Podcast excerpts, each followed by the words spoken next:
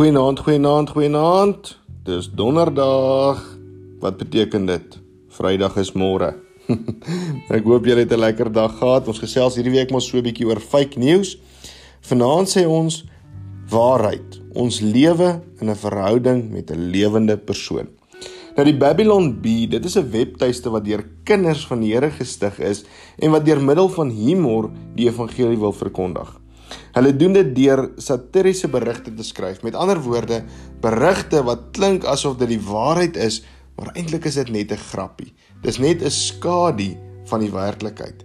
Hulle steek die draak met die heilige koeie in die kerk in en in die wêreld in en dan maak dit nie saak wie die Amerikaanse president is nie. Hy loop ook sommer deur. Hulle spot met almal. Nou die probleem is dat mense soms vir hulle kwaad word omdat van hulle berigte per ongeluk dalk waar word. Die waarheid en die grappie is soms net te naby aan mekaar. Soms sien mense die skadu vir die werklikheid aan. Soms sien mense dit wat fake is as die waarheid. So goed, so goed het Satan deur die eeue deur hierdie fake news dat geloof waardeloos is, 'n storie versprei dat al hoe meer van ons dit vandag begin glo. En wanneer ons maak asof ons geloof slegs bestaan uit die nakom van 'n klomp reëls, 'n klomp moets en moenies, dan maak dit al meer mense in hierdie fake news glo.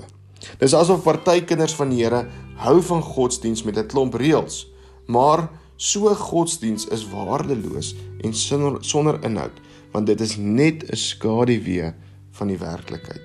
1 Kolossense 1 Korintiërs 15 vers 14 sê Paulus As Christus nie opgewek is nie, is ons prediking sonder inhoud en julle geloof ook sonder inhoud. En Kolossense 2 vers 23 sê: Hierdie leerstellings, dis nou die leerstellings van mense wat van ons geloof 'n klomp moets en moenies maak. Hierdie leerstellings het wel 'n skyn van wysheid met hulle selfgemaakte godsdiens en en en en nederigheid.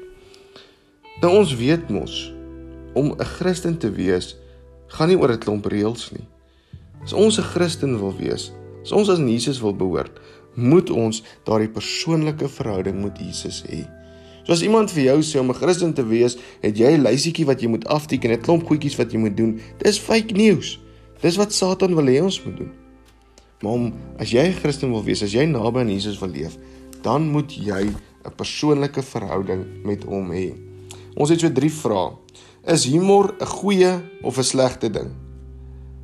Watter reël by die huis, skool of dalk van die land se reëls maak nie vir jou sin nie? Watter reëls in die Bybel maak ook nie vir jou sin nie? Nou is dit makliker om reëls te volg as om 'n verhouding met iemand te hê.